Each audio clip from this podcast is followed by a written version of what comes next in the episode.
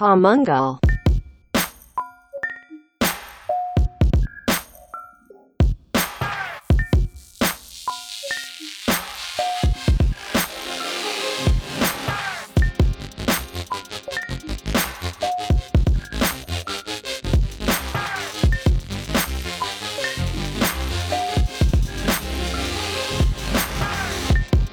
כן, ואנחנו בפודקאסט המנגל, פרק... עכשיו נהיה קטע שאני כל הזמן צריך להגיד את המספר. לא, דווקא הפרק. הזה בא לי שתגיד.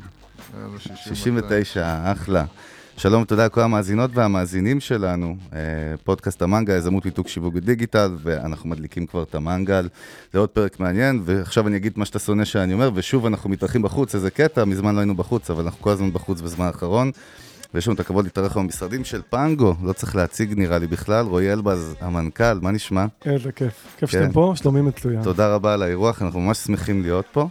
אה, ואנחנו את הפרק הזה אה, נייחד דווקא לעולם האפליקציות. רצינו הרבה זמן לעשות גם פרק על העולם של אפס ממש, ואיך בונים אפליקציה וכו' וכו' וכו' וכו' כן, וכו'. שזה מין קטע שהיה לו בום, ואז אה, בשנים האחרונות פתאום ככה כולם נרגעו. There is an app for that. היה, לכל דבר היה כן. אפליקציה, ועכשיו הכל נכון. הולך ומתכנס.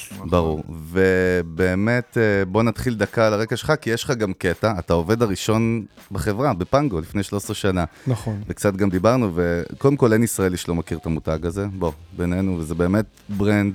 אה, ש- super brand. super brand, חד משמעית, שאין בית בישראל שלא מכירים, גם דיברנו שבאמת שאומרים, אה, תפעיל לי פנגו, תדליק לי פנגו, מתכוונים שירות חניה, ואתם לא היחידים. אז זה כמו שדיברנו פעם על פלאפון, חברת פלאפון שיצרה את זה שהם נכסו את הטלפון אליה, ואני כבר כן, עוד שנייה מצוטט אה, ויקיפדיות זהו, זהו, כאלה. הגזמת, יאללה, בוא נתקדם. קיצר, רועי, בוא תספר לנו באמת עניינת של אנחנו נוהגים כן לספר דקה על מי יושב מולנו, שהוא יספר קצת ותן את הרקע, משם נצלול לתוך הפרק. אוקיי, אז קודם כל, אה, הכי חשוב, אני נשוי למיכל ואבא לארבעה ילדים. הכי חשוב. זה יפה, אה, ארבע זה יפה. נכון, נכון. דואגים לבעיה הספק, הדמוגרפית. הספק, כן, הספק נאה.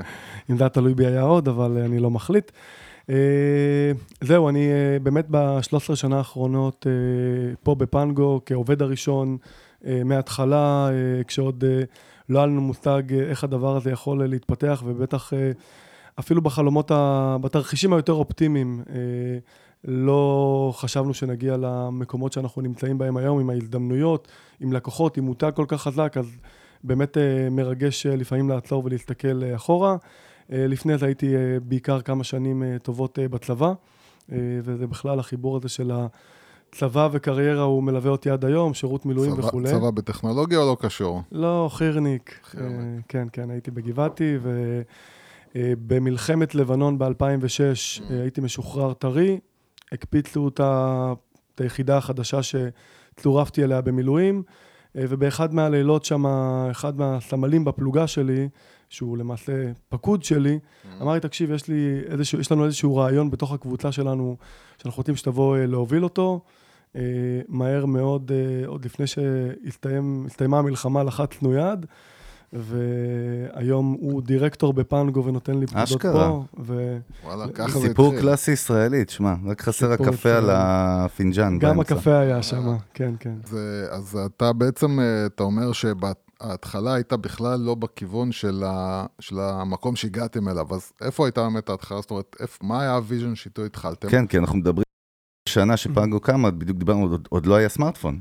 כאילו, נכון. אז אז החברה באמת אה, הוקמה ב-2007, וסטיב ג'ובס, ששינה את החיים של כולנו, הכריז על האייפון הראשון ב-2008, חנות האפליקציות אה, הראשונה הושקה ב-2009 בכלל, כלומר, לגמרי לא היינו בתוך עולם התוכן הזה, אבל אה, ב-2007 אנחנו מדברים כבר על תקופה שבה יש שוק חנייה. אנשים אה, צריכים לשלם על חנייה, הם מגיעים לכחול לבן, בדרך כלל לא היה להם מושג מה הם אמורים לעשות עם הדבר הזה. היו רק מדחנים, מה שאני זוכר, לא? היה מדחנים, ולא ידעת עכשיו אני צריך לשלם או לא צריך לשלם, וכמה כסף לשלשל, ומה קורה כשהוא נגמר. באמת, כאילו, הבעיה, היית- הבעיה הייתה מאוד ברורה, זאת אומרת, הכאב, מה שנקרא, הוא מאוד ברור. נכון. וביחס לכאב, אתה תמיד צריך לשאול את עצמך שאלה, זו שאלה ששאלנו את עצמנו, זו שאלה שכל יזם צריך לשאול את עצמו, האם השוק בשל לזה? כי זה שזה היה קיים, אגב, זה היה קיים גם ב-2004 וב-2002. אבל זה לא קרה אז, והיו ניסיונות. למה זה לא קרה אז? כי כל ה ecosystem עדיין לא התחבר. וכשאתה מדבר על ecosystem, אתה מדבר על אינטרסים של גופים כלכליים, והאם הם באיזשהו שלב, כל אותם חסמים ששמים ל newcomers, האם הם מתחילים אה, אה, להתרפ, להתרופף. אה, אנחנו מדברים על אה, יכולת אה, אכיפה. שהיא, מאכיפה ידנית, הפכה לחת... לאכיפה דיגיטלית. דיגיטלית, שמדברת עם database, עם שרת, אז פתאום אפשר לרשום רשומה בשרת, ומישהו גם יכול אה, לבדוק אותה. אנחנו מדברים על שנים שבהם החדירה של הסמארטפון, אז היו סופרים במדינות, בכמה, אה, לא של הסמארטפון, של הטלפונים. כן. כמה טלפונים יש יחסית לאוכלוסייה. מצחיק. בסדר? זה היה פרמטר מאוד מאוד משמעותי, היום זה בכלל issue. אבל ישראל הייתה בשלה לזה, בסדר? לכל בן אדם בוגר כמעט, היה כבר טלפון, לא רק מנגו שמחייג להורים. אז יש פה uh, כמה תהליכים שהתחברו, שהתזמון שלהם אפשר לנו באמת לעשות משהו שהוא מאוד משמעותי, והציפיות שלנו אז באמת היו להתחרות בעולם שהיה קיים ומוכר עד אז, וזה המדחנים. הם היו עושי השוק הגדולים, הם היו לוקחים עמלות מאוד גבוהות, בסוף כל כסף שכל אחד מאיתנו כאזרח היה משלשל למדחן, מאחוריו היה תפעול וחומרה ותקלות וכולי, אבל בסוף אחוז גבוה היה הולך לכל הדבר הזה במקום שיחזור לקופת העירייה. כשאתה מכניס פתרון וירטואלי, טכנולוגי, אז פתאום, כמו שהמצב היום, הכסף חוזר למקום. אז רגע, אז בעצם כשאתם ישבתם אז, אה, ב- ב- נקרא לזה, ננסה. לצייר את זה ככה בצורה באוהל הצבאי בלילה, בג'יפ. איך איך הגדרתם את הרעיון ביניכם? מה היה ה vision, כאילו? אה, למעשה כשנכנסנו לתוך המיזם הזה, הרעיון באמת היה אה, לראות שיש פה עולם שאפשר לשנות בו התנהגות. לא ידענו להגיד את המילה disruption, לא ידענו מה זה אומר אה, לשנות שוק או לבנות אותו מחדש, אבל הבנו שיש פה באמת הזדמנות עסקית, וזו האוריינטציה שאנחנו באים ממנה, לשנות את האופן שבו אנשים משלמים. אה, אני יכול להגיד ש... אבל באתם לפתור את הבעיה הזאת של חניה, זאת אומרת, הגדרתם, אנחנו רוצים לעשות את ה- את החיים של זה שמחנה את האוטו יותר קלים, נכון. אבל אתה מדבר על זה שהשוק בעצם אה, הפך להיות ליותר נוח לפתרון, שאתם גם באים לשני הצדדים לעשות את החיים יותר זה קלים. גם בא לתת עוד revenue stream, נראה לי יותר חזק לעיריות אז אני עצמם. אומר, באים לפתור פה את הבעיות לא רק של המשתמש הקצה. אלא לא של היה- נותן השירות גם. זה זה גם לרשויות, כל המערך של גבייה וניהול ובקרה של כספים. כשאין מזומן יותר קל לבקר ודברים פחות נעלמים בדרך. אה, אבל לחברה, אנקדוטה, לחברה קראו אה, בשנים הראשונות מלגם חנייה סלולרית. כלומר, לא הייתה שום אוריינטציה למשהו שהוא מעבר לחנייה. לא, לא חלמנו על זה. כן. זאת אומרת, אז זה מעניין בסיפור של פנגו, ככה, כמו שאנחנו מבינים עכשיו, זה ממש תוך כדי תנועה, עם המון שינויים, גם רגולטוריים, גם טכנולוגיים, כאילו, תוך כדי תנועה הדבר הזה נוצר והתעצב.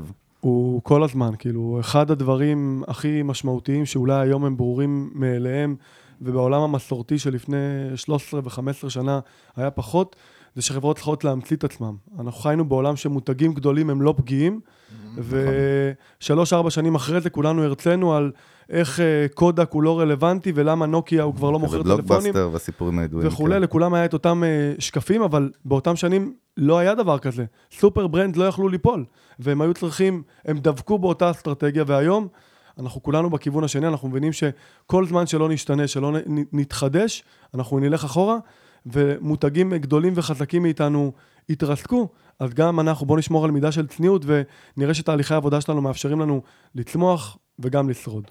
מה שמעניין אותי זה, אתה יודע, אנחנו מסתכלים על זה היום אה, בתוצר הסופי, שנראה משהו מאוד מורכב ומטורף, אני רק חושב כאילו על איך להרים דבר כזה, נשמע לי הזוי. אז כן מעניין אותי לדעת איך בעצם הגעתם, אה, מה היו השלבים שדרכם, שאותם עשיתם בשביל להגיע לזה שאתם נותנים את השירות הזה ללקוח הסופי. נשמע שיש פה המון מרכיבים שצריך לפתור. אה, אני חושב שמותג וחברה צריכים להסתכל אה, אה, פעם אחת פנימה על היתרונות היחסיים שלהם, על מה הם צברו וצוברים, ופעם שנייה על מגמות בשוק, שזה הגורמים החיצוניים שמשפיעים עליך. כשאנחנו הסתכלנו פנימה לפני חמש ושש שנים, אמרנו, אוקיי, אנחנו עדיין בשוק שכל שנה מוכרים יותר ויותר רכבים, והגרף הוא בעלייה. אה, מספר המנויים שלנו מתחיל לצמוח, היום אנחנו עם 2.2 מיליון, שחצינו את המיליון, זה היה כזה הפנינג מאוד משמעותי. אה, אתה מייצר יכולות בעולמות של סליקה, והברנד שלך כבר יותר חזק וכולי, ואז אתה אומר, אוקיי, איזה הזדמנויות זה מייצר. ופה התחלנו אה, למפות את זה אסטרטגית, ואנחנו מבינים שהרכב זה ההוצאה השנייה הכי גדולה בכל תא משפחתי, ואנחנו מבינים שאולי חמור מזה, אנחנו כל הזמן צריכים לעבוד בשבילו. אנחנו צריכים לקחת אותו לטסט ולטיפול, ולפעמים אנחנו נתקעים, ויש לנו פאנצ'ר, ואנחנו צריכים לתדלק אותו, ואנחנו צריכים לנסוע פתאום בכבישי אגרה. כלומר, האבולוציה גורמת לנו כנהג לעשות המון המון תהליכים ידניים, זה העולם הישן, אה, והם כאב. אז באנו ואמרנו, אוקיי, יש לנו איקס נכסים, יש שם איקס כאבים שאפשר לפתור אותם, בואו נראה איפה זה יכול להתחבר. והאסטרטגיה שלנו הייתה אה, להיות העוזר האישי של הנהג. כל מה שהוא צריך שהכל יכול להקל עליו את החיים, בואו נראה אם אנחנו יכולים לפתור לו את זה. וכשאתה מגדיר את האסטרטגיה הזאת, אתה מתחיל אחרי זה למפות ולפרק את זה לאזורים שונים. כי תדלוק הוא עולם אחד, וביטוח הוא עולם אחר, ושינוע לטסט ולמוצלח הוא עולם שלישי וכן הלאה. אה, ובכל עולם כזה, זה שאנחנו חושבים שאנחנו יכולים לעשות שינוי זה בסדר. הוא עולם תוכן שלם, עם עושי שוק משמעותיים, עם שחקנים, עם מתחרים, עם איזשהו אקו סיסטם, ואתה שואל את עצמך איפה בתוך האקו סיסטם הזה אני מסוגל להשפיע, אני מסוגל לשנות, אני מסוגל לעשות disruption. ויש מקומות שבהם אה, בשנים אה, 2013 ו-2014 אמרנו, יכול להיות שיש לנו הרבה יכולות פנימיות, אבל נראה לנו שוב שהשוק לא בשל. Mm-hmm. אגב, יש מקומות גם שעשינו טעויות, שחשבנו שהשוק בשל. אנחנו שירות תדלוק סלולרי, השקנו פעם ראשונה לפני ארבע שנים. שזה נשמע הכי make sense בעולם. הכי make sense, כן. אז זה לא עשה הרבה שכל. כן. והיום אנחנו מביאים עוד פעם את המוצר הזה אה, לפרונט, כי אה, הוא מוצר שהיום, בתזמון הנוכחי, עם מה שלמדנו אז, עם הטעויות שעשינו אז, עם מה שאנחנו יודעים היום והמגמות בשוק, אנחנו חושבים שזה הכי make sense. אתה יודע, וזו שאלה מעניינת, כי מה בעצם קורה? מה משתנה? האם, האם זה יותר ההתנהגות האנושית או הטכנולוגיה שמאפשרת? מה בעצם יותר משתנה פה שמאפשר לכם לחדור לעוד... Uh, אני, יש לי כל הזמן תחושה שההתנהגות האנושית פשוט משתנה. כן, יוס, כי הטכנולוגיה כבר נראה לי די פתורה. כאילו, אין פה... נכון. אנחנו כבר שם. צריך להגיד אבל שיש אה, אה, כמה מגמות, נגעת ב, בשתיים מהם, רגולציה היא דבר שמאוד משפיע. אנחנו מסתכלים על עולם התחבורה. כשבא שר התחבורה ואומר, יש פה נתיב שנוסעים בו שתיים פלוס, הרגולציה תגרום לשינוי התנהגות. אנחנו יכולים לעמוד בצמתים, אנחנו יכולים לאהוב את זה יותר או פחות, אבל בסוף... אנחנו, רגול... נ, אנחנו נתיישר, ניישר קו. אנחנו כאילו. נתיישר. אם כן. מיסוי חנייה הוא היום X והוא יעלה Y, אנחנו נתיישר. אם מיסוי על רכב ירוק הוא X והוא ישתנה ל-Y, אנחנו נתיישר. כלומר, לרגולטור א' יש תפקיד מאוד משמעותי בזה, אבל לרוב הרגולטור הוא לא הקטר. הרגולטור הוא בדרך כלל הפולוור, זה שבא אחרי שיש כבר הזדמנויות ושוק ומגמות, ובעיקר PR, דברים שעושים uh, נכון. והיום גודש הוא נושא שמאוד מעסיק את כולם, לשמחתנו, כי הוא בעיה כואבת שנמנענו מלדבר עליה עד לפני שנה, כן, ופתאום כולם מדברים עליה. מה זה מדברים? ודרך אגב, זו הסיבה גם שפודקאסטים בעלייה, בגלל פקקים, באמת, יש פה דברים, impact ים כל מיני side kicks ש...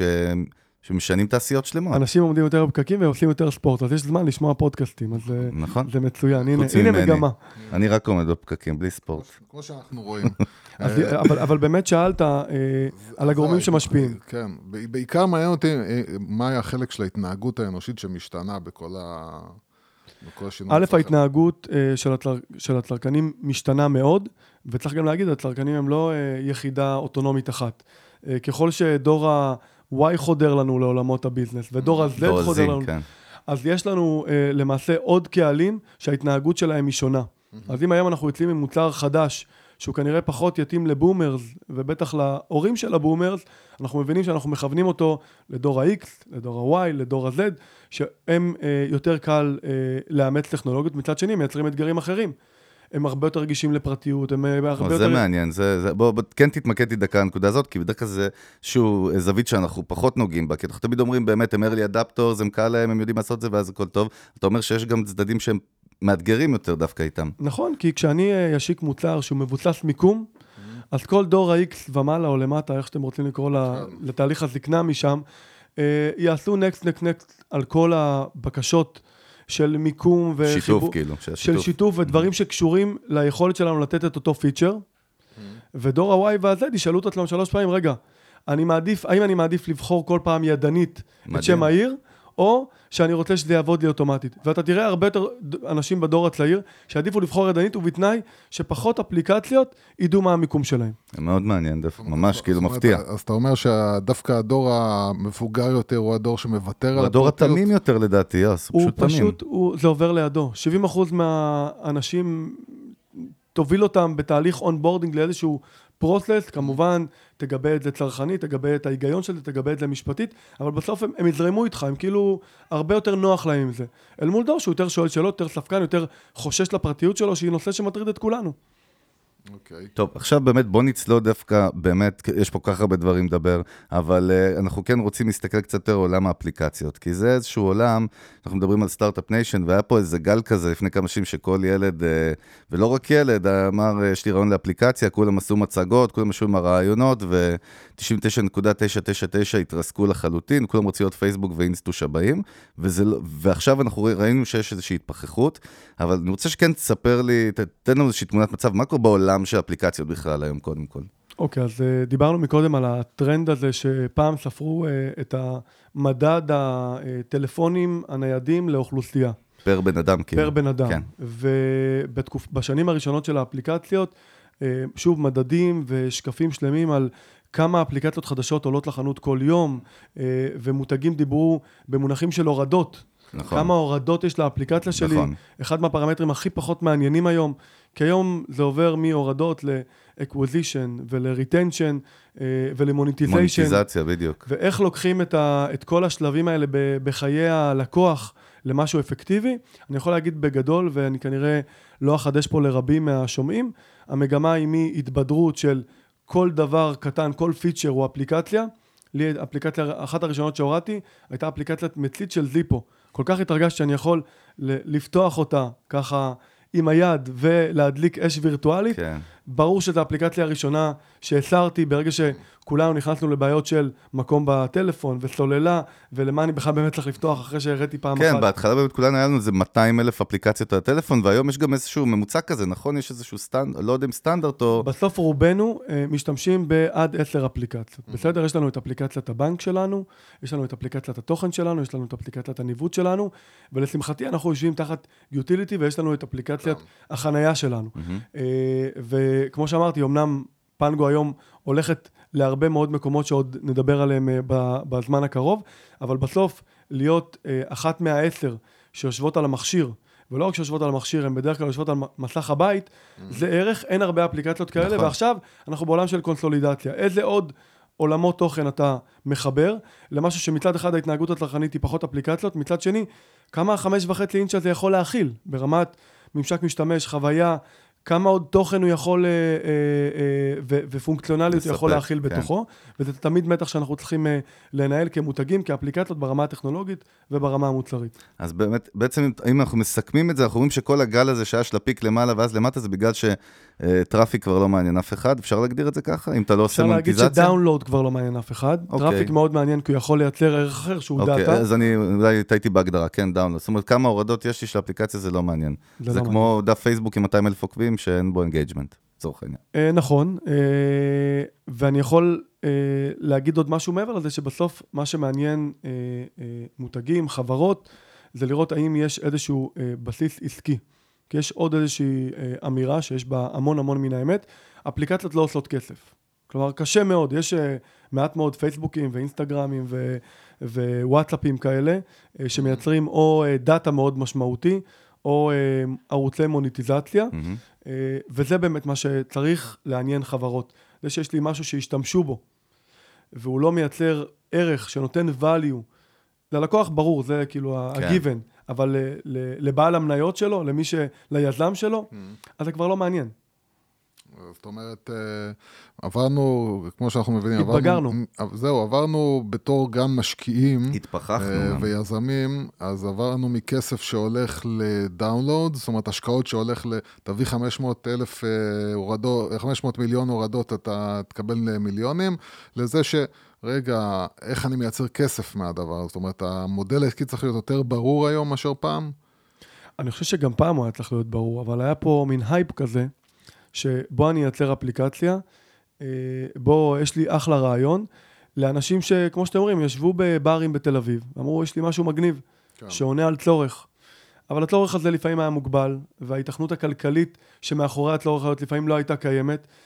השיחה לא הגיעה לשם. כלומר, השיח העסקי של איך בונים תוכנית עסקית נכונה של מיזם, שלוקחת גם את המענה לצורך, גם את uh, כוחות השוק, גם רגולציה שיכולה להשפיע, גם מתחרים ושחקנים גדולים. אנשים הוציאו מאות אלפי אפליקציות שהם פיצ'ר בגוגל היום. זהו, כאילו... וזאת, וזאת נקודה שאנחנו גם uh, מדברים, ומדברים עליה, ואמרנו אותה לא, לא מעט על יזמים בכלל, ש... באמת להיזהר, לא לפתח איזשהו משהו שהוא בסך הכל פיצ'ר, שגם החברה הגדולה שמתחרה בך יכולה לקחת נכון. ולעשות את זה. אז איפה באמת אתה מזהה בתור יזם אה, את רמת הכאב ששווה עכשיו להשקיע בפתרון לכאב הזה? פתרון איך אני שכאילו יודע? A to Z? קודם כל, ודאי שהוא צריך להיות A to Z, כמו שפנגו משתדלת אה, לתת לך לא רק לפתור בעיה אחת, אלא לפתור הרבה בעיות, אבל גם איפה אתה מבין, בתור יזם עכשיו, שאני שואל את עצמי, רגע, האם היה, המיזם שאני רוצה להרים הוא מספיק אה, עונה על כאב מספיק גדול? איך אני מזהה את הכאב ויודע שהוא מספיק גדול, רחב, ויש לו מספיק אנשים ששותפים לכאב הזה, כדי שאני אדע ששווה לי בכלל ללכת להשקיע את החיים שלי עכשיו במיזם הזה? אני חושב שהמובן הרך יותר של יזמים שעשו דברים מדהימים, הוא לבוא ולהגיד, אוקיי, יש פה שוק שאפשר לתת לו, אפשר אה, או, או בעסק שהוא B2B או בעסק שהוא B2C, לייצר חיים אה, נוחים יותר, לייצר אחת מהמטרות הבאות, זה יכול להיות חיסכון בזמן, זה יכול להיות התייעלות אה, כלכלית, זה יכול להיות אה, אה, אה, רמת שרידות גבוהה יותר של עסקים, כלומר, יש מגוון שלם של פתרונות. שזה אה, אה, רמה אחת, אנשים שבאים בעולם תוכן, מכירים אותו, והם אומרים, אוקיי, יש פה איזשהו אה, משהו שאפשר לשפר בתוך אותם, אותו עולם תוכן. אבל אם ניקח רמה אחת מעבר, אנחנו מסתכלים על האייפון, האייפון לא ענה על שום בעיה, הוא ייצר צורך. הסתדרנו, תקשרנו, היה לנו מיילים, כן. כלומר, זה רמה נשגבת שהלוואי שכולנו אה, נצליח להגיע אליה, שאתה מייצר צורך במשהו שבכלל לא חשבת שאתה צריך. כלומר, זה, לא היה שם כאב, אף אחד לא קם בבוקר ואמר, רגע, איך לא, איך לא הכל באותו מכשיר? איך אין לי חנות שיש בה אפליקציות לכל דבר שאני יכול לחשוב כשאני עליו? הייתי בחו"ל, הייתי נכנס לאינטרנט קפה בשביל לשלוח מייל הביתה, כאילו מ- זה היה מאוד לך סבבה. אז אתה מדבר באמת על, אה, על גאונות אה, עוד יותר גב- גבוהה, וזה להבין שיכול להיות שאני פותח קטגוריה שלמה שבכלל לא הייתה קיימת, אה, אבל מה הדברים שאתה יכול לשתף מתוך, אה, כמובן, הניסיון שלך ומה שאתה עשית, שאתה בתור בן אדם שמנסה לייצר פתרון טכנולוגי, איזה דברים אתה הסתכלת עליהם ואתה ממליץ לאחרים להסתכל עליהם בשביל לבנות את המיזם הטכנולוגי שלך יכול להיות נכון. גם מטעויות שעשיתם במהלך הדרך כמובן. אני חושב שדיברנו על זה קצת מקודם, היום הטכנולוגיה היא כמעט לא חסם לכלום, בסדר? אפשר לעשות הכל. רוב הכלים והפתרונות שאנחנו נתקעים בהם היום, הם אפילו במובן, ב, ב, ב, במקום היותר פשוט של הטכנולוגיה. כלומר, יש באמת טכנולוגיות ליבה אה, משמעותיות, להעיף את בראשית לחלל, זה, זה סיפור. אבל רוב, ה, רוב הסטארט-אפים, כולל המצליחים שבהם, לא בנו את בראשית, נכון. והם עדיין מאוד מאוד הצליחו. ולכן, אני חושב שדווקא האוריינטציה העסקית, השיווקית, הבנת מגמות בשוק וכוחות בשוק, זה השתי סנט שלי. כלומר, ה- הנטייה הטבעית של כולנו היא לקחת את זה לתראו איך ייראה ה-UI וה-UX וה, והבסיס הטכנולוגי. זה סופר קריטי, זה given. תביאו את האנשים המתאימים, תייצרו תהליכי אה, מוצר וטכנולוגיה ושיווק ומסע לקוח מתאים, זה יעבוד. אבל האם הפתרון שלכם הוא אה, משהו שאפשר לייצר סביבו ערך כלכלי? האם הוא יכול לחדור את אה, האתגרים שיש בשוק? אני חושב ששם אנשים פחות משקיעים אה, מחשבה. כן, כיף לדעת שבסוף תמיד זה חוזר ל execution, branding ו marketing. אחרי שיש לך מוצר טוב, כמובן. והיגיון, ובאמת לא, אה, כש... כשאתה יודע, כשיש את ה... זה גם אה, במסעדות וגם בסטארט-אפים, שיש את המספרים האלה של 90 ואחוז כישלון, ואנשים אומרים, כאילו זה נראה כאילו אין פה מדע, כאילו זה, זה משהו של מזל כזה, אבל, אבל זה לא נכון. הרבה זאת אומרת, היגיון יש, יש במזל היגיון הזה. מאחורי הנפילות וההצלחות. גם, ל, גם בתחום המסעדנות יש נוסחה, בסדר? יש נוסחה שקשורה למיקום, ליכולות אה, ניהול, ל- לטרנד, להאם אני באזור מסוים אה, זה יהיה כשר ובאזור אחר לא, ו, ו, ובכלל כל המיתוג של מה, הסיפור שאני מספר כמסעדה. שמעתי פעם בהרצאה של אסף גרנית על באמת, אתה, הרבה מסעדנים במרכאות, אומרים סבבה, אמא שלי יודעת לבשל, אני יודע לבשל, בוא נפתח פה איזשהו משהו, אבל בסוף השפה שבו המלצרית מדברת הוא לא קשור למיתוג של המסעדה, והמפות הן לא במיתוג, וה, והאוכל הוא לא במיתוג. אתה, אתה רואה פה ערב רב של דברים, האם יש נוסחה לא להיות ב-90 אחוז? בוודאי שיש. האם זה מתכון להצלחה? האם מסעדנות הוא לא עסק ב-high risk? הוא עסק ב-high risk עדיין, אבל אפשר לצמצם את הריסק הזה אם אתה יודע מה אתה עושה. אני חושב שזו ההגדרה הנכונה באמת, לצמצם את הריסק, כי בסוף זה, זה הון סיכון, אין מה לעשות. נכון. אז בואו בוא, בוא נקצ... בוא נצלול קצת יותר דיפ לתוך באמת העולם של אפליקציות, בואו נדבר עכשיו, אז uh, בכל זאת יש מקום. אנחנו חיים עדיין בעולם של אפליקציות. השאלה היא, יזמים שכן רוצים להסתכל על אפליקציה uh, כמשהו שהוא, uh, בואו נגיד, אצלכם הפלטפורמה העיקרית היא אפליקציה בסופו של דבר, נכון? הפלטפורמת ווב שלכם, אני לא יודע, אולי היא רלוונטית. בוא נגיד שהמובייל הוא הכלי, האפליקציה... בדיוק, ל-B2C, ל-end consumer שלך, הוא משתמש, שזה הדרך שלך לדבר איתו, היא אפליקציה. אה, אז בוא תן לנו כמה באמת אולי נקודות שצריך להסתכל עליהן שבונים אפליקציה. תגיד, ברמת UI, ברמת מה שאתה רוצה, אבל מה חשוב להסתכל אם כבר כן הולכים על משהו שהוא מבוסס על אפליקציה ככלי העיקרי? אני חושב ש... אה, לפני שמדברים על מה צריך להיות אפליקציה ומה הסט כללים הזה, mm-hmm. צריך להבין שבמוצרי B2C, וזה עולמות התוכן שלנו, כן. אנשים, אה, וכשמסתכלים על מגמות, אנשים צורכים יותר ויותר שירותים במובייל. Mm-hmm. בסדר? אז יש עולם אחד של אם אני צורך את זה במובייל, זה לא משנה עכשיו אם זה אפליקציית נייטיב, או איזשהו מובייל ווב שמתאים יותר לעולמות שמתחילים בסרצ' בגוגל, ואז אפליקציה היא פחות רלוונטית, אבל זה עדיין מביא את הלקוח, זה עדיין מביא את הטראפיק פנימה, ומאפשר לעשות איזושהי אה, אה, מוניטיזציה על כן. אותו לקוח. הנושא השני הוא באמת עד כמה היא סימלסית. היום יש פחות סבלנות לתהליכים מורכבים, בסדר? כמה קליקים אני, מס... אני מסיים את הפעולה. Mm-hmm. בכמה קליקים אני רואה השוואת מחירים לבגדים או לטיסות, בכמה קליקים אני סוגר את הטיסה, בכמה קליקים אני משלם, בסדר? וכל אחד מהמסעות האלה אה, אה, הוא מסעות שאנחנו צריכים לראות איך אנחנו מתכננים אותם ברמה ה-UXית כן.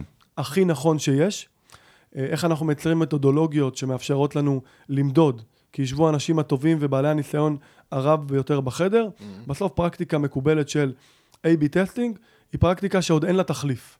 בסדר? עוד אין... אין, אין ברמה האנושית, כאילו. ברמה, בין, ברמה כן. האנושית. כל אחד שיושב בחדר הוא sample of one, ולפעמים הוא מייצג הרבה ניסיון מאחוריו, אבל לא דין שירות X כדין שירות Y, לא דין שירות שאתה מטרגט קהל יעד מסוים כדין שירות שאתה מטרגט קהל יעד אחר, ולכן היכולת למדוד ולהיות גמיש ולעשות שינויים אחרי שמדדת את הדברים האלה, הוא מאוד מאוד uh, קריטי בייצור mm-hmm. uh, אפליקציות.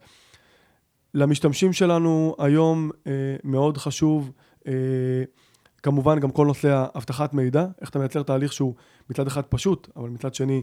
ما, מה זה אומר? כי מבחינת הלקוח, אה, אותו שמעון, שעכשיו הוא סתם, לא יודע, טוב, אני מסתבך עם כן. שמעון. כל הזמן אתה סתם אני זורק שמות, מה, אני צריך שם. אותו מוריס, מוריס גם ג'וני. היה לנו, ג'וני לא היה לנו. בסוף, מה הוא מבין באבטחת מידע? כן, כן מעניין אותי הנקודה הזאת. מה כבר הוא מבין? זאת אומרת, אתה, לכאורה הוא סומך עליך.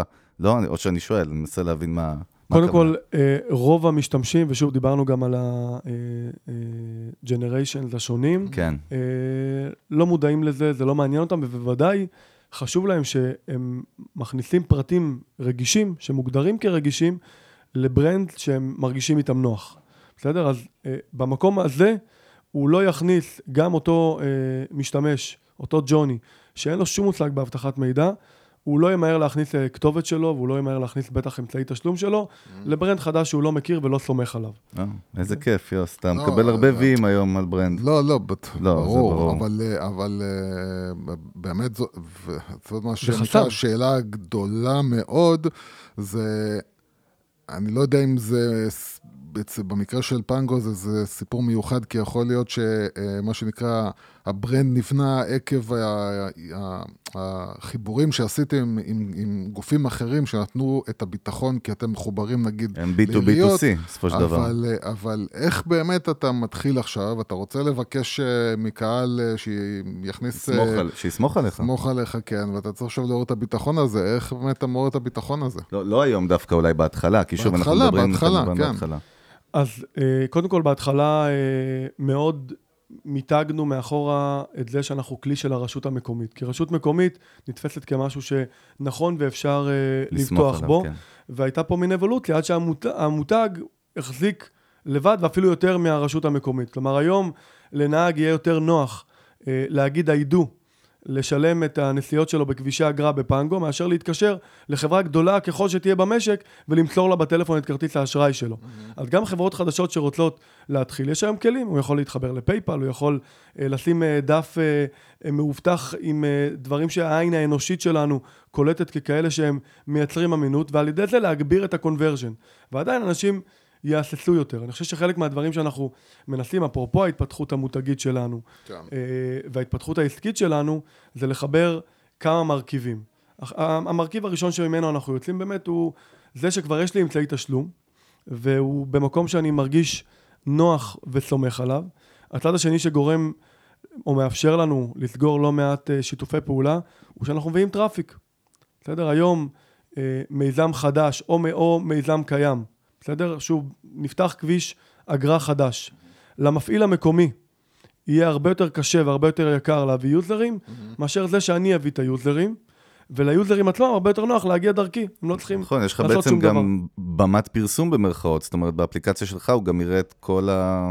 שיתופי פעולה האלה. זה פחות, אה, אני לא יודע אם זה במת פרסום, כמו שפשוט אתה אומר לו, הכוונה היא שהוא נחשף? אתה אומר לו, כאילו, תקשיב, במקום, אני מביא לך עכשיו את הכסף, אתה, אתה בעצם מביא לו את הכסף. א', הוא מרגיש נוח שבסוף כל ה-revenue stream יעבוד במקום אמין, בטוח ומנוהל על מערכת שכבר יודעת ומתעסקת עם... עם, עם כסף מאוד מאוד משמעותי. דרך אגב, מה שרועי אומר באמת זה מגמה עולמית. קראתי לא מזמן על העניין שהיום גם הענקיות, uh, התוכנה וגם אפל רוצות שירות תשלומים, שירות אשראי משלהם. כי המטרה שלהם באמת היא להשאיר את הלקוח, שיהיו לו כמה שיותר פתרונות במקום אחד, ולא יגלוש ל... נכון. אז זה איזשהו משהו שאנחנו רואים באמת בהתנהגות האנושית העולמית. לגמרי. וכשמדברים בסוף על איך אה, מרחיבים את המותג, אז נגענו בזה שאנשים היום לא משלמים על חנייה, הם שמים פנגו. Mm-hmm. חושב שזה יתרון מאוד משמעותי, כיף ללכת ברחוב ולהגיד, אה, ולשמוע, אה, ילדה אומרת לאמא שלה, אמא שמת פנגו, זה כאילו אחלה, זה כיף, חמם את הלב, אבל יש פה גם אתגרים, כי בסוף כשאתה רוצה להגיד לאמא שלה, תקשיבי, אה, פנגו זה לא רק חנייה. פנגו זה גם uh, לשלם בדלק ולשלם לכבישי אגרה, וזה שירות דרך וכולי. אז יש פה אתגר, אז יש פה אתגר מוצרי. אתם צריכים לחנך את הציבור בעצם. נכון. אז איך, איך אתם עושים את זה? אז uh, יש, uh, גם פה יש uh, כמה גישות. יש uh, גישה שבאה ואומרת, אם אני אספר לך משהו מספיק פעמים, עם מספיק כסף בעולם הפרסום, אתה בסוף תאמין לזה. אוקיי. בסדר? אם אני אגיד לך שפנגו זה מערכת אוניות מפוארת, אם אני אגיד לך את זה מספיק פעמים, זה מה שאתה תחשוב, גם אם אין לנו אונייה אחת.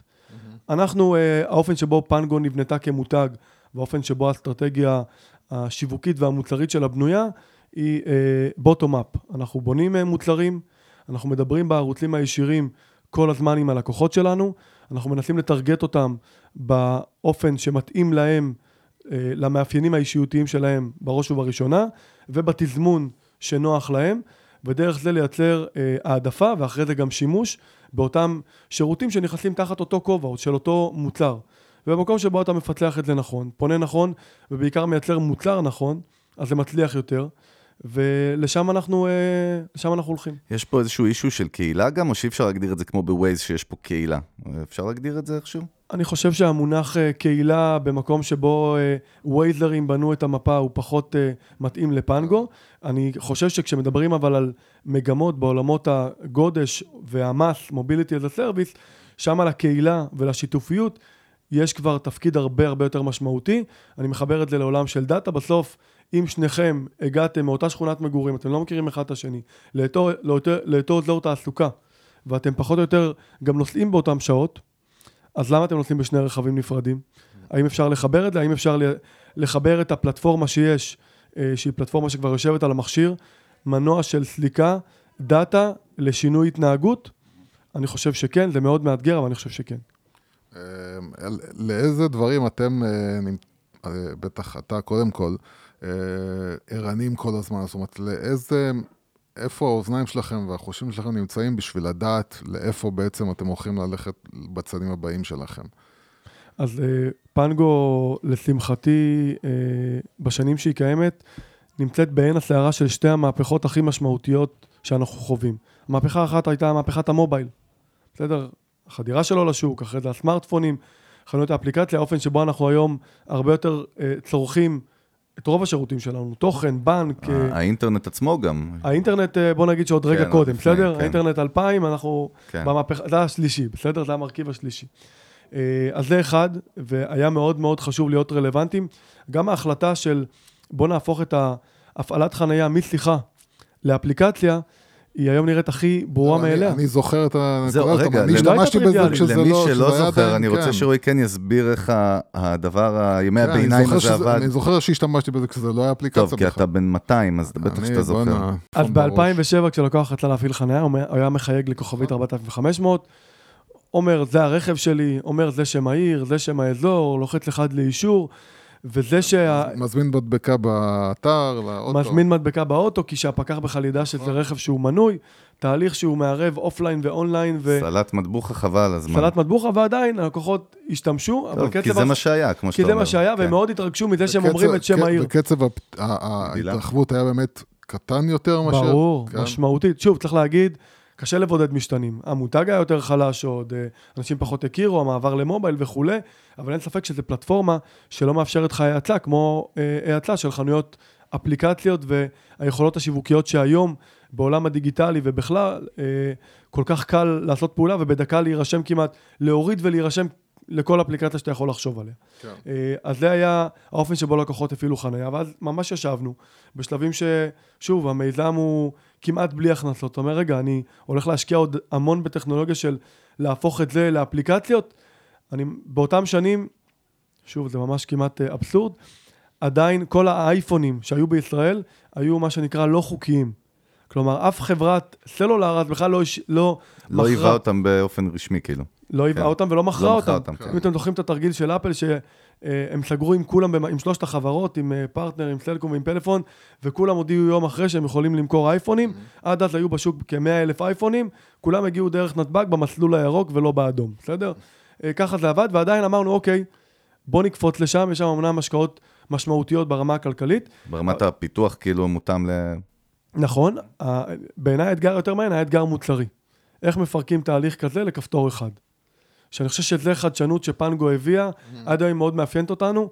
הרבה מאוד מותגים, זה היה להם מקור השראה של איך עושים פעולה שהיא לכאורה משלבת מספר פעולות בלחיצת כפתור אחד, עם הגדרות טיפולטיביות כאלה ואחרות שמתאימות לאותו נהג, ומתהליך אה, טורי, שאני בוחר את הרכב, אני בוחר את העיר, אני בוחר את האזור, אני לוחץ אחד לאישור וכולי, כל מה שאתה צריך נמצא לך על המסך, כולל המיקום באמצעות ה-GPS, וכל מה שאתה צריך זה ללחוץ. ועדיין אני רואה עד היום, אני יודע, אה, יש את הכפתור הגדול עדיין באמצע, שכאילו עדיין תופס את רוב המסך שאתה... הפוך, מאשר. זה בדיוק העניין. העניין הוא שהכל מתרכז לכ- לכפתור כן, אחד. כן, וכל- זה מה שאני אני, אומר. אני זוכר גם שהשקתם את האפליקציה, ובשבילי זה היה, מכיוון שאני, early adapter, זה אני, אה, אז אני ישר, כאילו, וואלה, אפליקציה. ואני זוכר שבהתחלה עוד היו אה, בלאגנים, זה לא בדיוק עבד, לא בדיוק קרטורים. כן? אבל ברגע שזה עבד, אז אתה מבין שזה סטייל אמזון. זאת אומרת, כל המלחמה של אמזון הייתה איך להוריד את, ה, את, ה, את התהליך ללחיצה אחת של רכישה, וזהו. ו, ובגלל זה אה, אה, תמיד ה...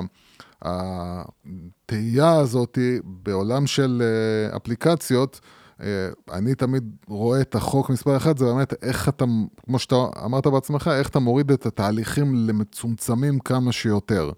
ומכיוון שאמרת שהאפליקציה גם הקפיצה את כמות המשתמשים שלכם, עד כמה זה רעיון, אה, ואני רואה את זה קורה היום עם אה, בת- מסעדות בדרך כלל, עם רשתות שכל רשת אה, בונה לעצמה אפליקציה. עד כמה זה בכלל יעיל והגיוני ונכון בשביל חברה לייצר אפליקציה עבור עצמה.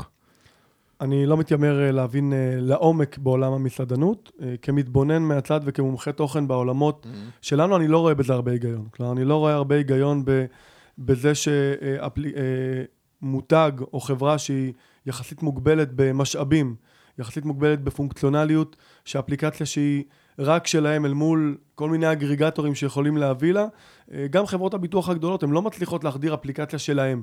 סבבה, אני עושה ביטוח אחת לשנה, אבל האם אני אה, יישב על, יהיה לי על המכשיר אפליקציה של אה, אחד מה big five של חברות הביטוח? לא, יכול להיות שאחרי שרכשתי והציעו לי פונקציונליות שמעניינת אותי, אז אני אוריד. וגם פה צריך להגיד, פנגו אמרה, אוקיי, אנחנו מבינים שיש לנו user base, יש לנו איזשהו יתרון יחסי, בתוך שוק שהוא אומנם מאוד מורכב ומול שחקנים מאוד משמעותיים, אבל אמרנו, בוא נייצר תהליך דיגיטלי לאפליקציה שכבר יושבת על המכשיר, ונאפשר ללקוחות שלנו לרכוש ביטוח גם, ב, גם באפליקציה שלנו. וזה מה שקורה היום, אנחנו מייצרים לעצמנו גם לידים לסוכנות וגם תהליכים A to Z של, אה, של רכישה דיגיטלית, שלא קורים במקומות אחרים. וזה גם בהקשר של ביטוחי רכב, אני מתאר לעצמי. נכון. זאת אומרת, בתוך העולם שלכם עדיין, העולם בתוך העולם שלכם. שלנו אמרנו, יש כן. כאבים שהוא, שהם כאבים של אה, נהג שמחזיק רכב, ולעשות ביטוח פעם בשנה ולראות מה המחיר הכי טוב וכולי. אנחנו היום מציעים ללקוח, תקשיב, בוא תקבל עוד הוצאה בקליק. מתאים לך, אחלה, ניתן לך שירות. לא מתאים לך, לפחות אתה יודע איפה אתה עומד, שזה גם uh, סבבה, וזה uh, היכולת באמת להביא את, ה, את הלקוח לאפליקציה שהיא קיימת, אל מול גם מקרים של חברות שהן יותר מוגבלות, וגם חברות שהן מאוד חזקות. אני רגע אבל רוצה לחזור, כי דיברנו על המהפכות ועל לאן אנחנו מסתכלים. כן. כן. דיברנו על מהפכת המובייל ופתחנו סוגריים רחבים. המהפכה השנייה שאנחנו נמצאים uh, בתוכה היום היא מהפכת המוביליטי. בסדר? בסוף עונה על שאלה אחת מאוד פשוטה, איך כולנו מגיעים מ-A to B. איך אנחנו מגיעים בזמן הקצר ביותר, הנוח ביותר, אה, הזול י- ביותר, היעיל ביותר. היעיל ביותר, כן. וכל אחד, אמרתי דברים שהם לפעמים סותרים, כל אחד ממקם את עצמו אחרת. אחד ייקח אה, מונית, שזה האמצעי לצורך העניין היקר ביותר, אבל הוא רוצה להגיע אה, מהר ויקר, אחד יעבור שלושה אה, קווים של תחבורה ציבורית, אחד ישלב, אחד ייסע אה, עד נקודה מסוימת ויעשה אה, carpool עם מישהו אחר. אבל עולם ה mobility הוא עולם שמאוד מאוד משפיע, בקצה שלו, צריך להגיד, מדברים על אה, רכב אוטונומי שהוא אה, לא ברמה הטכנולוגית, ברמה הטכנולוגית, שוב, הוא פה, הוא לפעמים קצת דורס אנשים, אבל, אבל, אבל הוא פה, טכנולוגית wise. אה, השאלה איך הוא ישנה את ה ecosystem, האם הוא ישנה את מבנה הבעלות על הרכב הפרטי, איך הוא אה, ככלי תומך גם לרכבים פרטיים, אבל גם לרכבים מידיום סייז ואוטובוסים, ישפיע על מפת התחבורה של כולנו בישראל, איך הוא ישפיע על הגודש, וזה נושא היום שמאוד מאוד אה, מעסיק אותנו, אנחנו נמצאים היום כבר בשני פרויקטים מאוד משמעותיים שהם רגל בדלת בתוך האסטרטגיה הזאת. הפרויקט הראשון הוא דרך ערך, שהוא פרויקט שביחד עם נתיבי איילון אנחנו למעשה מגייסים מתנדבים מקרב משתמשי פנגו. אה, מיזם שמבוסס על כלכלה התנהגותית, ואנחנו אומרים להם בתחילת שנה, תקשיבו, יש לכם 4,500 שקלים בכיס. עכשיו, כשתתנהגו יפה, קרי, לא תיכנסו לתל אביב בין 7 ל-10 עם הראש בקיר ותתרמו לגודש, אה, הכסף יישמר אצלכם בכיס. אם תתנהגו עוד יותר יפה ותיסעו ברכב שיתופי, אנחנו אפילו נוסיף לכם כסף. אבל אם לא תשנו את ההתנהגות, אתם תתחילו לראות את הכסף יורד לכם. בסוף, בסוף השנה, כל לקוח כזה יכול לקבל 2,000 שקלים לתוך חשבון הבנק שלו, ואם הוא עושה גם פעולות של אה, אה, נסיעה שיתופית אפילו למעלה מזה, אז זה מיזם אחד שבו אנחנו גם לומדים המון על איך אפשר להשפיע על התנהגות. המיזם השני הוא באמת אה, תשלום בתחבורה ציבורית, שזה מיזם שזכינו בו ביחד עם חברת מוביט, והוא למעשה אה, יחליף את הרב-קו, בסדר? על פני איקס זמן, לקוח את כל אה, מה שהוא מגדיר היום ברב-קו, יעשה ב onboarding פעם אחת באפליקציה, יגדיר את הפרמטרים הרלוונטיים, את הפרופיל הרלוונטי שלו, ואז כל פעם שהוא יעלה לאוטובוס, הוא פשוט יסרוק QR, אה, וזהו. דרך אגב, עד, עד כמה אנחנו ביחס לעולם המערבי מתקדמים ומפגרים ברמה הזאת של ההתנהגות? אני יודע, נגיד תחבורה ציבורית אנחנו על הפנים, לא יעזור תמיד, ולעומת ערים הרבה יותר, אה, פחות חדשניות מישראל, מתל אביב נגיד. אבל עד כמה אנחנו, איפה אנחנו נמצאים במפה הזאת ביחס לעולם?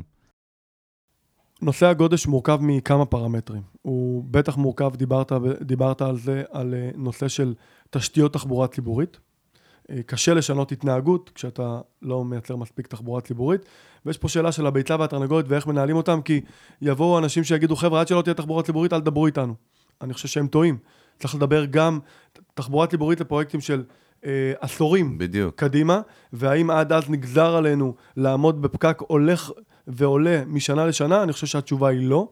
אה, זה קשור לתשתיות פיזיות, כבישים, מחלפים אה, וכולי. זה קשור לרגולציה. שוב, איך נתיב של 2 פלוס משפיע, איך אגרת גודש שמדברים עליה היום בכניסה לעיר והממשלה שתקום בתקווה אה, תדון בזה, זה אחד הנושאים הבוערים שיעמדו לה על סדר היום, כי האוצר מקדם את זה.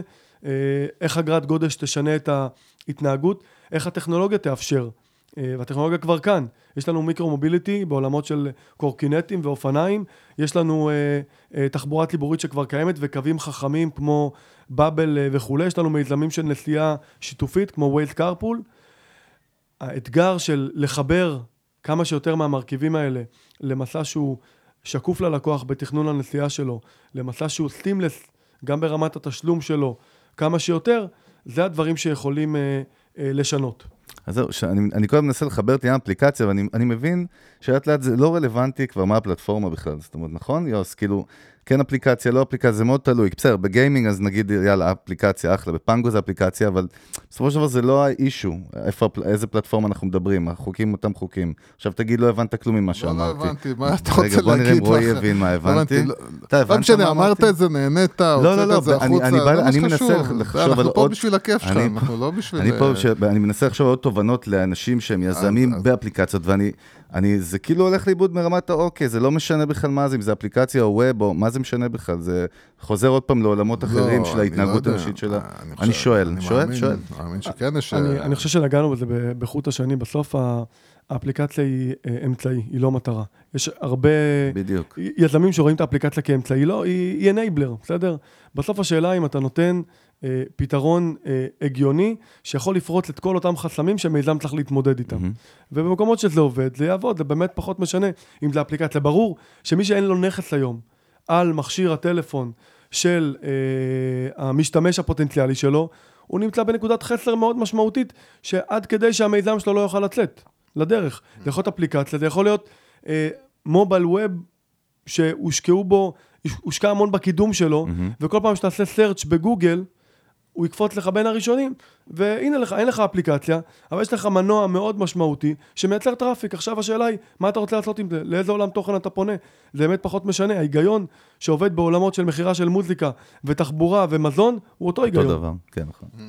אז אה, באמת... אה, אה, מה קרה? לא, היה לי שנייה, יש לי מין blackout כזה. מצוין, בוא נדבר על blackout שלך. לא, אז זהו, אז בוא... מה אתה רוצה לשאול את רועי על blackout? בוא... בוא, בוא, אני, אני אוביל בוא, אותך. בוא, כן, תוביל, תוביל תודה. שנייה. הנה, הוא יעזור לך. תודה רבה. אני אזכר לאט לאט. אני, אני, אני כן רוצה לדעת איפה, אתה מדבר על זה שאסור לעמוד במקום. דיברנו על זה, וזה בכל business. בוא תן לנו איזה כמה guidelines, באמת, אנחנו רוצים פה בסוף ערך שיש לנו הרבה מאזינים שהם יזמים, הם בעלי עסקים, הם באים ב marketing, תכף ניגע קצת ב branding marketing ככה, זה השלב הבא שאני רוצה ללכת איתך, אבל באמת, אה, על העניין הזה של למה אסור להישאר במקום. הנה, לכאורה, עזוב, יש לי אפליקציה, יש לי, לא משנה, ביזנס, בסדר? קח אפליקציה, יש 2 מיליון יוזרים, כל אחד משלם לי 100 דולר בשנה עכשיו, מצב שלי נפלא. נכון. למה זה לא מספיק לי ואני לא יכול להמשיך עם המודל המאוד בסיסי הזה? מה, אתה בא לענות לי? לא, אני בא להתחבר לזה, כי, כי, כי נאמר, אמרת משהו ש... אני חושב שהוא גם מתחבר למה שאנחנו זועקים ואומרים מהפרק הראשון, וזה שבעצם שום ברנד היום לא חסין, נכון. שום דבר לא נכון. מובטח. ובאמת זה גם משהו שרוצה להתחבר אליו לאמירה הזאת. למה בעצם... הרמת לי עכשיו? מה, אמרת לי כאילו בוא, בוא תחזיר לי, בוא תחזיר לי, בוא נראה. מה פתאום? למה, למה אתה אומר את זה בעצם? אני שוב, גם זה מורכב מכמה נדבכים. שלוף. נשלוף. אה, יש אה, מימד מאוד משמעותי והוא העיקרי. אתה יכול אה, להרגיש מאוד נוח ו... ולשקוט על השמרים, אבל בחוץ זה גן חיות, mm. ובחוץ יש מספיק חברות, בין אם זה יזמים בתחילת הדרך ובין אם זה חברות מבוססות, שיחשבו איך הם מתקדמות, וכשהם מנסים לחשוב איך הם יתקדמו, הם, לא מעט מהם יגלו שעולם התוכן שלך הוא העולם שיכול, שהם יכולים להשפיע עליו. Mm. ואז איך אתה מייצר כל הזמן חסמי כניסה שהם באמצעות ערך, באמצעות value, באמצעות נכסים למתחרים. הדבר השני הוא שבסוף הלקוחות שלנו משתנים, mm-hmm. ויש מגמות. Uh, לצורך העניין, יכלנו עד היום להפעיל חניה באמצעות מענה קולי אוטומטי. האם היה סביר שפנגו תשרוד ב-2020 אם היא לא הייתה מפתחת אפליקציה? זה עבד. אנשים אהבו את זה. אבל האם זה מחובר לטרנד? האם זה מחובר להתנהגות המשתמש? ברור שלא. האם האפליקציה שהשקנו ב-2011 היא אפליקציה שיכלה להחזיק היום? ברמה של טכנולוגיה, ברמה של מערכות הפעלה, ברמה של הרשאות, ברמה של יכולות והזדמנויות, שאם אתה עובד בהן, אתה מכניס אה, משהו לעסק. בסוף, אה, אם, אתה, אם אתה עומד במקום כמו, ש, אה, כמו שאמרנו, אה, אין, אין לך סיכוי, מישהו יבוא ויטרוף אותך. זהו, אני מאוד מתחבר למה שרועי אומר, כי זה מה שאנחנו נתקלים בו, אה, אתה יודע, בוא נגיד אצל עסקים מחלה, קטנים זה פחות מחלה. מפתיע אותי, כי מחלה, זה הגיוני. מחלה. אבל אתה רואה את זה פתאום גם לפעמים אצל חברות מאוד גדולות, שאנחנו נפגשים עם המון המון סוגים של אנשים, וגם אנשים בתפקידים בכירים. אתה רואה הרבה פעמים את המיסקונספציה הזאת, הם תקועים, יכול להיות שזה בא מקטע של נוח להם ולא בא להם לשנות, לא בא להם להאמין, כי זה דורש מהם, אני לא יודע מה זה, אבל זה פשוט מחלה שנוגעת מאוד בישראל בכל לא- מקרה, אני רואה... זה מאוד לא טריוויאלי להזיז את הגבינה, בסדר? זה ממש ממש לא טריוויאלי, ואני חושב שמילה אחת שהיא מאוד משמעותית בהקשר הזה זה צניעות. מותגים צריכים צניעות, כי זה שהם צנועים זה אומר שהם מבינים שהם לא יודעים הכל, הם מבינים שדברים יכולים לקרות, והם מבינים שכל שחקן שנמצא היום בשוק עכשיו בחוץ, בין אם מכירים אותו או לא, והם מתייחסים אליו בביטול, יכול להפוך לאסון הכי גדול שלהם ברמה העסקית. כן, זה ממש קטע, זה מה שלא היה קם נגיד לפני 50 שנה. אתה מבין שהבחור הזה, לקיש, פיתח את ה-VR קו- את אוקולוס, ישב במחס... בגראז' שלו, יהודי כמובן, בגראז' של אבא שלו, ופיתח משהו ש... לא יודע כמה מהנדסים בעולם, 20 שנה ניסו לפתח וירטואל ריאליטי, שאני זוכר הייתי ילד, ולא לא עבד להם. פתאום הוא בא, בום, הביא איזה משהו, ו... נכון? ודרך אגב, כן מעניין אותי התובנה שלך על סנאפצ'אט דווקא, כי הרי סנאפצ'אט היא חברה שקמה, הרי על כאילו, על האפליקציה עם הפיצ'ר הזה, ופייסבוק, כאילו, לא מבין את ההיגיון שם, כי... אה, לא, האמת- אני לא... זה- זה בדיוק מה שהיה, אני לא מצליח להבין, בדיוק מה כי שדיברנו פייסבוק עליו. בא ופשוט עשתה את זה. זה בדיוק מה שדיברנו עליו, הדבר, והמחלה שהייתה של אפליקציות, ובגלל זה גם כמות האפליקציות החדשות בישראל הולכת, אה, הלכה וקטנה, למה? כי בהתחלה כל אחד בא עם פיצ'ר. ואז, ו- וסנאפצ'אט זה בסופו- של דבר גם, אז סבבה, אז באו פייסבוק ואמרו, אז מה, אתם, אה, את מי אתם מרשימים? הנה, אנחנו גם יכולים לעשות, ואנחנו, יש לנו את כל הדאטה, יושבים אצלנו את כל האנשים, תודה, את כל רועי. הזה. תודה רבה. לא, אני, אני, לא, למרות שזו תשובה טובה, אבל... אה, כשאתה- מדבר על. ניתוח שוק, אז, אז, אז זה בדיוק שם. אתה שואל את עצמך בסוואט שאתה חייב לעשות, לפני שאתה מתלהב מעצמך ומהרעיון שלך ומתאהב בו, עד עמקי נשמתך, אתה צריך להבין מה הסיכונים. סיכון זה האם, אה, איך האקוסיסטם הקיים יכול, יכיל את זה. א', יכול להיות שיש חסם רגולטורי, ב', יכול להיות שיש חסם אה, עסקי, ג', יכול להיות שאני פיצ'ר בתוך אה, אפליקציה, שאם אני רק אתחיל לדגדג, הם יעשו את זה, ונגמרתי, וזה... זה, כן, פעם היו אומרים, הם יקנו אותי ברגע שיהיה לי מספיק משתמשים. זה בסדר, זה, זה נכון ליזם להגדיר את האסטרטגיה שלו. Mhm. יכול להיות שהוא בא ואומר, תקשיב, אני נותן להם פה כאב, מענה לכאב, ומאיך שאני במקום רואה... שהם יפתחו אותו, אני כבר מביא להם את זה אני מוכן. רואה את האסטרטגיה של גוגל, בסדר? כן. והחברות שהיא רוכשת הן מעולם תוכן 1, 2, 3, לא כי היא לא יכלה לעשות את זה, גוגל יכולה לפתח הכל לבד. נכון. ועדיין היא רוכשת חברות, לפעמים היא רוכשת חברות כי יש להם יוזרים, לפעמים היא רוכשת חברות כי יש להם כי טכנולוגיה הם ייחודית. קיצרו להם דרך. כי הם כאילו. קיצרו להם דרך, לפעמים היא רוכשת חברות כדי שהמתחרה לא ירכוש. אז יש כמה מקומות שאתה יכול יפה. לשבת עליהם אה, ללמה אני עושה ומה האסטרטגיה שלי, ועדיין יש חברות שהאסטרטגיה שלהם היא אסטרטגיה יותר ארוכת טווח. אני פה כדי להצליח ולא כדי שיקנו אותי בעוד שנה. טוב, בוא נגלוש ככה לחלק האחרון, אנחנו בלי ששמים לב, אנחנו תמיד אומרים שאנחנו מרגיש כאילו חמש דקות וזה פתאום נהיה 40 או 50 כבר. אני רק רוצה להגיד עוד דבר כן, אחד על הנקודה. כי דיברנו על צניעות. בטח, בטח. אני חושב שהדבר השני המאוד uh, מהותי, שמאפשר את הדברים, ש, את, את השינויים הארגוניים, זה, זה תרבות שפתוחה לביקורת פנימית, תרבות שמחפשת שינויים, תרבות שקשובה למה שקורה, uh, ותרבות שגם מאפשרת פיננסית, כי הכי קל להגיד, תקשיבו, אני... למה להזיז דברים? העסק עובד. זהו, אבל צריך דווקא... להשקיע את זה חזרה. אנחנו, נראה לי, יש לנו מנטליות גם של יהודים בכלל, שאנחנו חושבים שאנחנו יודעים הכל הכי טוב, וגם של הצבא, הזכרת את הצבא, צבא לא, לא מתווכחים עם המפקד, מה שנקרא, שזה חוץ אבל מב- צריך לחשוב יצירתי. לא, אבל זה איפה קורה ביחידות המיוחדות. אתה תראה, יש בסיירת מטכ"ל, כי יוסי, אתה לא היית, אבל אני... זה, אז שם נותנים לכל. חייל, אה, אבל ש, שכאילו גם יבוא חייל ויכול לפתח איזשהו פיצ'ר בתור חייל, שהוא, וזה, ויקחו את זה וישתמשו בזה אולי וישקיעו זאת בזה תרבות אחרי זה. ארגונית מדהימה, שכל גוף שמצליח לאמץ אותה, בדיוק. הוא רק מרוויח ממנה, וזה לא קל, אבל זה... טוב, אז בוא נצלול באמת לחלק האחרון, והוא עניין ה branding וה marketing. באמת לא, אנחנו לא נפגשים הרבה חברות ששומעים את השם שלהם, זה brand שהוא כאילו מקרין על תעשייה. דיברנו על זה שוב, אה, מקרה פלאפון, שקוראים לו פלאפון פלאפון, בטח יש עוד, אני כבר לא זוכר דוגמאות, אבל אה, הבמבה זה במבה. קורקינט זה קורקינט, ופנגו זה חניה סולארית. תספר לנו קצת על זה, מעניין אותנו ככה מבפנים. איך זה, איך זה נהיה מותג? כי יש מתחרים. יש, יש עוד חברות שעושות מה שאתם עושים, בסופו של דבר. למה, אתה חושב, כי פה אנחנו רוצים באמת עוד לחזק ולתת איזשהו added value על איך בונים מותג נכון. למה, למה זה קרה? אז כמו שאמרתי, יש כמה דרכים לבנות סופר ברנדס. אה, דיברתי באמת על ה...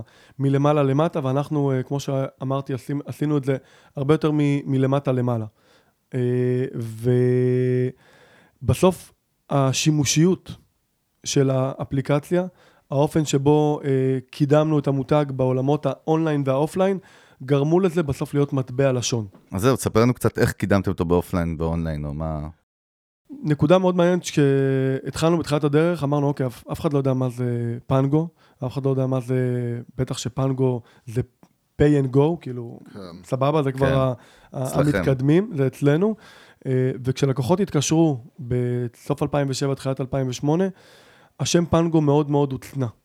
כל מה שרצינו זה שלקוחות יתקשרו לכוכבית 4500. המותג היה מספר הטלפון שלנו. מהמם. כדי שאנשים יתקשרו, כל מה שעניין אותנו זה יוזרים שמשתמשים ושיודעים לאן לחייג. ובתקציבים המוגבלים שהיה לנו, ויתרנו על ה brand באותם שנים. איפשהו באזור 2009-2010 אמרנו, אוקיי, אנחנו כבר מתחילים להרגיש נוח עם המודל, אנשים מתחילים אה, להגיע, אבל אם לא נחזק פה את המותג, זה יכול ליצור לנו מגבלות בעתיד. אם, אם, אם המותג הוא כוכבית 4500, לא אנחנו יחזיק. לא רלוונטיים. ואז אתה מתחיל אה, אה, לפמפם את זה גם בפרסום, וגם בעיקר, וזה חלק מהאסטרטגיה שלנו, בערוצים הישירים.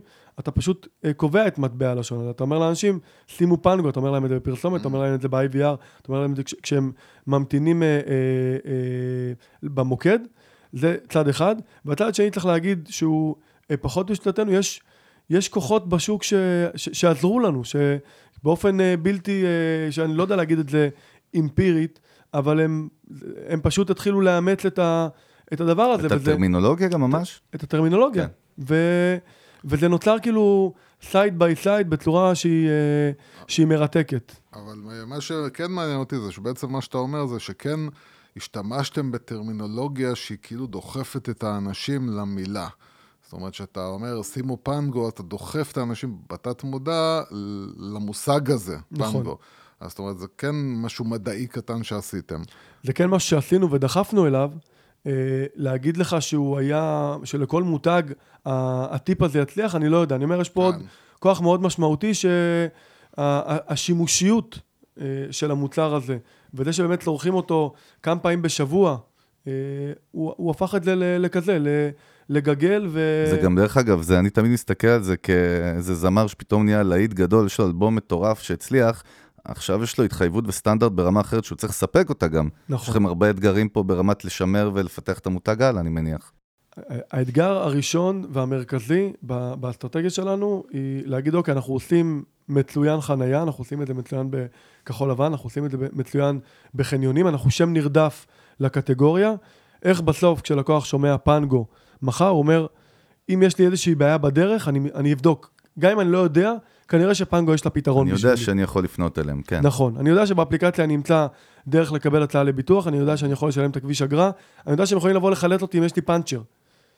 אני, אני, גם אם אני לא יודע עכשיו על כל שירות, כי אני לא כל היום בקשב ל-12 פיצ'רים שיש בפנגו היום, או ל-12 השירותים שיש בפנגו, אבל כנראה שהם הבית לפתרונות לנהג, ועכשיו אולי גם לדרך, אז בואו נראה מה יש שם. אז זהו, אז אה, זה באמת אה, משהו שרציתי לשאול אה, לקראת, לקראת הסיום, והתחלתם לדבר על זה, זה באמת מה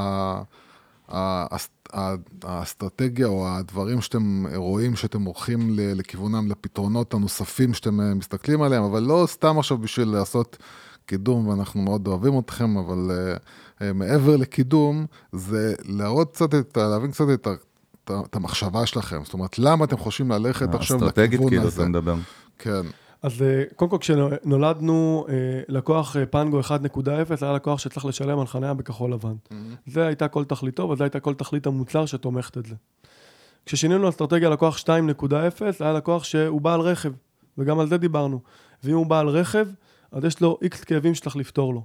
היום אנחנו מתמודדים ונערכים ללקוח שהוא אה, פנגו 3.0, והוא לא בהכרח נהג, הוא לא בהכרח בעל רכב, הוא נוסע שצריך להגיע ממקום למקום. ובתוך זה אנחנו שואלים את עצמנו איפה בתוך המגמות של השוק, מגמות הטכנולוגיות, מגמות רגולטוריות, מגמות של התנהגות אה, צרכנית.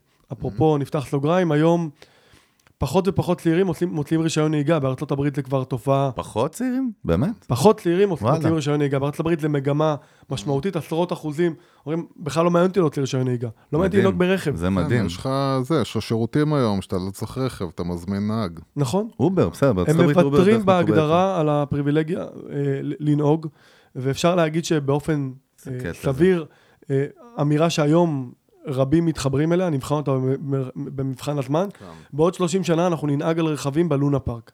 אנחנו לא ננהג, לא, לא ננייד רכב, כן. לא ננהג רכב אה, כשנרצה להגיע ממקום למקום. זה גם בעצם חלק מההתנהגות האנושית שמשתנה, שאנחנו, אני הייתי צעיר, כאילו כזה, אתה יודע, החלום היה להוציא רישיון, בסדר, היה. גם סמל סטטוס, נכון, והרכב היה אז אני אומר. זה כבר, אתה אומר, זה בכלל לא היום סמל זה סטטוס. cool לעמוד בתחנת תחבורה ציבורית, לעלות ולשמוע מוזיקה באוזניות בדרך לעבודה או לעשות מיילים, זה הרבה יותר... פודקאסט. כול סליחה, היום. פוד- פודקאסט ורצוי. מוזיקה. פודקאסט. כן. פודקאסט. לא, זה ממש, זה חבל על הזמן, אבל קיצר. זהו, אז לקוח, זה- אז לקוח כן. 3.0 הוא נוסע והוא צריך להגיע מ-A ל-B, אם יש לו רכב סבבה, אם הרכב הוא חלק ממסלול הנהיגה שלו סבבה, אתה עדיין תצטרך לטפל בו וכולי, אבל בסוף איך אני מגיע, איך אני יודע בצורה הכי פשוטה אה, איך אני מגיע, ובדבר השני איך אני משלם. אני חושב שבשני המקומות האלה, וכשמחברים את הדאטה ואת הטכנולוגיה שיש לנו, יש לנו יתרונות יחסיים מאוד משמעותיים, צריך לעשות את זה נכון. אז זהו, אז אני כן רוצה להבין פה את התובנה הזאת של אה, להסתכל עליכם ולראות באמת איך אתם חושבים, ואתם בעצם אומרים, הרי היה קל לכם מאוד להיות נעולים על זה שאני פה בשביל הנהג אה, והרכב, ואז אתם אומרים, רגע, אני לא פה בשביל החיבור של נהג עם הרכב שלו, אני פה כבר מסתכל על משהו הרבה יותר רחב, על הבן אדם שאין לו רכב ורוצה להגיע מ-A A to. Z, מ-A to כן, לא. קיוס. איך אני מתחבר בכלל ל- זה למוביליות. מאוד פשוט, כי יכול להיות שבאמת רכב לא יהיה המגמה. מיין לא, שלו, בסדר. ואז לא יהיה לו מה לעשות עם ה user עוד זה 20 שנה. ברור, אבל אני, אני אומר כאילו, בקטע של עכשיו, איך חברה מסתכלת על השוק, כן. ואומרת, אני מוכנה ללכת בכלל כאילו לכיוון שונה מאיפה שאני נמצאת, נכון? אבל אה, להבין שאני כבר מותג, וכבר יש לי איזשהו פתרון שנמצא אצל אנשים, וזה מה שנותן לי את הכוח להגיד, אפילו אם אני אעשה שינוי לגמרי בשוק שלי, אני עדיין, יש לי או, מספיק ביטחון אז- להבין שאני אהיה חזק גם שם. אז מפה אתה דווקא, יש לי כן שאלה לרועי, והיא דווקא שאלה קצת יותר מאתגרת, הרי זה יכול מאוד מהר להפך ל defocus. כל העניין של האסטרטגיה שאני אתקוף את זה ואת זה ואת זה נכון. ואת זה, איך יודעים לשים את הברקס ולהתמקד? דווקא כשאתה עושה את ה scaling הזה אין, ורוצה אין, עוד... אין כלל אצבע אחד שאני יכול אה, להגיד אז ש... תן 30. one size אה, fits all, אבל אה, יש מתח מאוד מאוד משמעותי בין אה, טווח קצר לטווח אה, בינוני run, כן. וארוך. יש מתח מאוד מאוד uh, גדול בין, uh, לאופן שבו אנחנו מנהלים פוקוס של חברה, uh, ובאיזה סט מוצרים אתה עובד היום, וכמה אחוז אתה משקיע בכאן ועכשיו, וכמה אחוז אתה משקיע ב-R&D החדשני ובטרנד שלא ברור לך עדיין מאיפה revenues ולא ברור לך, אתה קונה סיכון, נכון. בסדר? אז אתה, תלוי מהמון משתנים וגורמים. ו... ו כמו שזה תמיד היה אצלכם מההתחלה. לפני שנה יכולנו לפתוח את הכותרות, ואנשים אה, מלומדים וטובים מהתעשייה, גורואים, סיפרו לנו שתוך חמש שנים כולם פה יהיו רכבים אוטונומיים. כן. פתחנו חצי שנה אחרי זה, סיפרו לנו שבמקרה הטוב זה יהיה בעוד 15 או 20 שנה. למי להאמין? קודם כל, היום כולם אומרים 15 או 20, אז נוח לי להאמין לזה, סבבה, אבל אני באמת לא יודע. ואז אתה שואל את עצמך איך אתה מייצר חברה שהיא ברת קיימא, שהיא תהיה רלוונטית גם לסיכונים, וכמה אחוז אתה מנהל בתוך הדבר הזה. חברה בלי פוקוס לא יכולה להצליח. בסוף יש יחידות עסקיות, טכנולוגיות, שצריכות להבין שזו המטרה שלהן, ואתה צריך לבנות מבנה תשתיתי שיאפשר לך להיות עם אה, זרוע נוספת שהיא בלתי תלויה בכאן והעכשיו, שמתעסקת בזה. וזה אה, מינון. אה, מה שלחברה אחת יכול להתרים 40-60 ולחברה שנייה 80-20 ולחברה שלישית אין משאבים בכלל להשקיע בטווח הארוך. נכון, נכון. ואז היא תתעסק בשיתופי פעולה והיא תבחן רכישות. כלומר, יש הרבה דברים לצמוח ולגדול. אני יכול לעשות, להתפתח באסטרטגיה הזאת בלי לרשום שורת קוד אחת פה, בכל מה שדיברנו ב-20 דקות האחרונות. כי יש שלוש חברות שחיברתי וקניתי ועשיתי acquisition ו merge ופתאום יש עוד משהו שעובד, עוד מנוע. יכול להיות שהוא לא יצליח, הפחתתי את זה, אבל יש לי עדיין איזשהו עוגן, זה, זה אומנות לנהל את זה, נכון, ואני לא נכון. בהכרח יודע להגיד שההחלטות שקיבלתי היום בבוקר, הן ההחלטות הכי טובות. אגב, חלקן בטוח לא הכי טובות. אז, אז uh, אני דווקא רוצה פתאום לשאול שאלה צדדית כזאת, ולא קשורה, אבל uh, מכיוון שאני באמת, uh, אחד הדברים שדיברנו עליהם זה ה... באמת, אנחנו מאוד, דרך אגב, אנחנו לא מתחנפים אף פעם, אנחנו אומרים את מה שאנחנו חושבים, אז זה לא התחנפות, אבל באמת יש פה איזשהו וייב מאוד מאוד נחמד ושונה ונעים אתה מדבר במקום, במשרדים. כן. מהמם. מה, מה הדברים שאתם עושים אה, אה, בשביל באמת ל, ברמת התרבות עובדים, הארגונית. אה, לש- לשמר את העובדים, מה הטריקים שלך, שלך לא, זה אה, קטע, אני, אם אני חברה? כבר כן אפתח, באמת שבאנו, אנחנו מבקרים בהמון חברות, כן. בכל מיני צדדים, גם בפודקאסט וגם בביזנסס שלנו, והרבה פעמים אתה בא לחברות שאתה חושב שהייפ מאוד מגניב, ואתה רואה הכל דיכאון ומת, ופה הייתי בטוח, דרך אגב, שזה יהיה דיכאון ומת, באמת. הייתי פנגו, פתח תקווה כזה אפור, וכשאתה נכנס, יש פה משהו ברמה האנושית, זה בכלל אפילו לא ברמת ה design וזה, לא, שאתה. מרגיש את זה, אתה, אתה מרגיש את זה, כאילו. אז, אז זהו, אז בשביל... אה, אז, אז באמת... אחרי שהרמנו, בוא דברים- נוציא ממנו כן, טיפ. יש דברים באמת שאתם יודעים שאתם עושים נכון בהקשר של עובדים.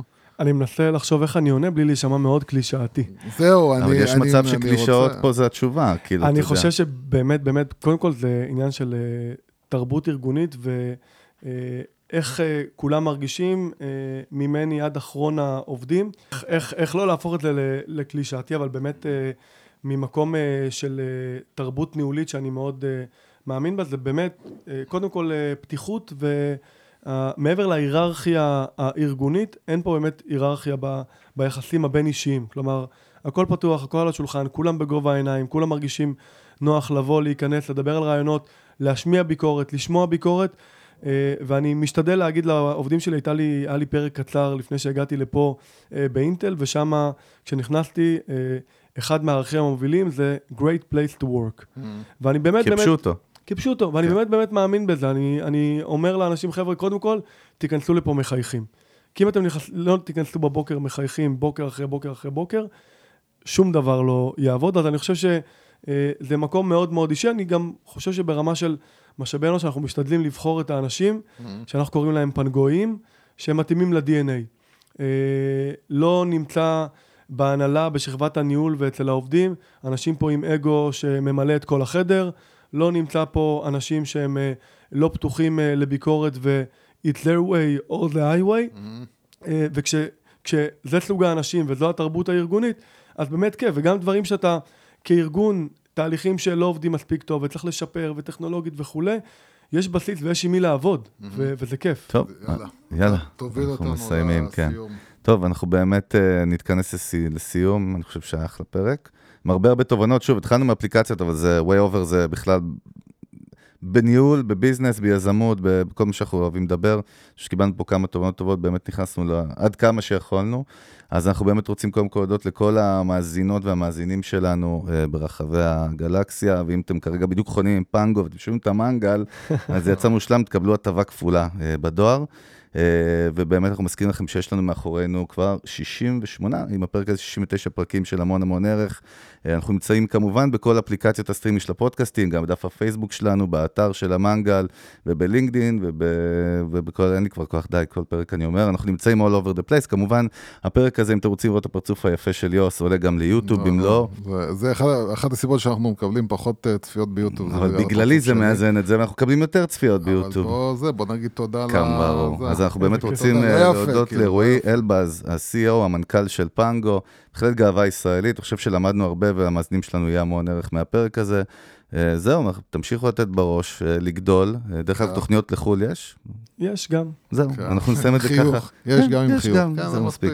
אז אנחנו. היינו צוות המנגל, חגג גודובסקי Brand Nation, איתי כמו תמיד יוסי הגדול ברנדל, ניפגש בקרוב פרק 70, וואלה, כן. 70 פרקים, יפה. יאללה, תודה, להתראות. ביי ביי. תודה. לכם.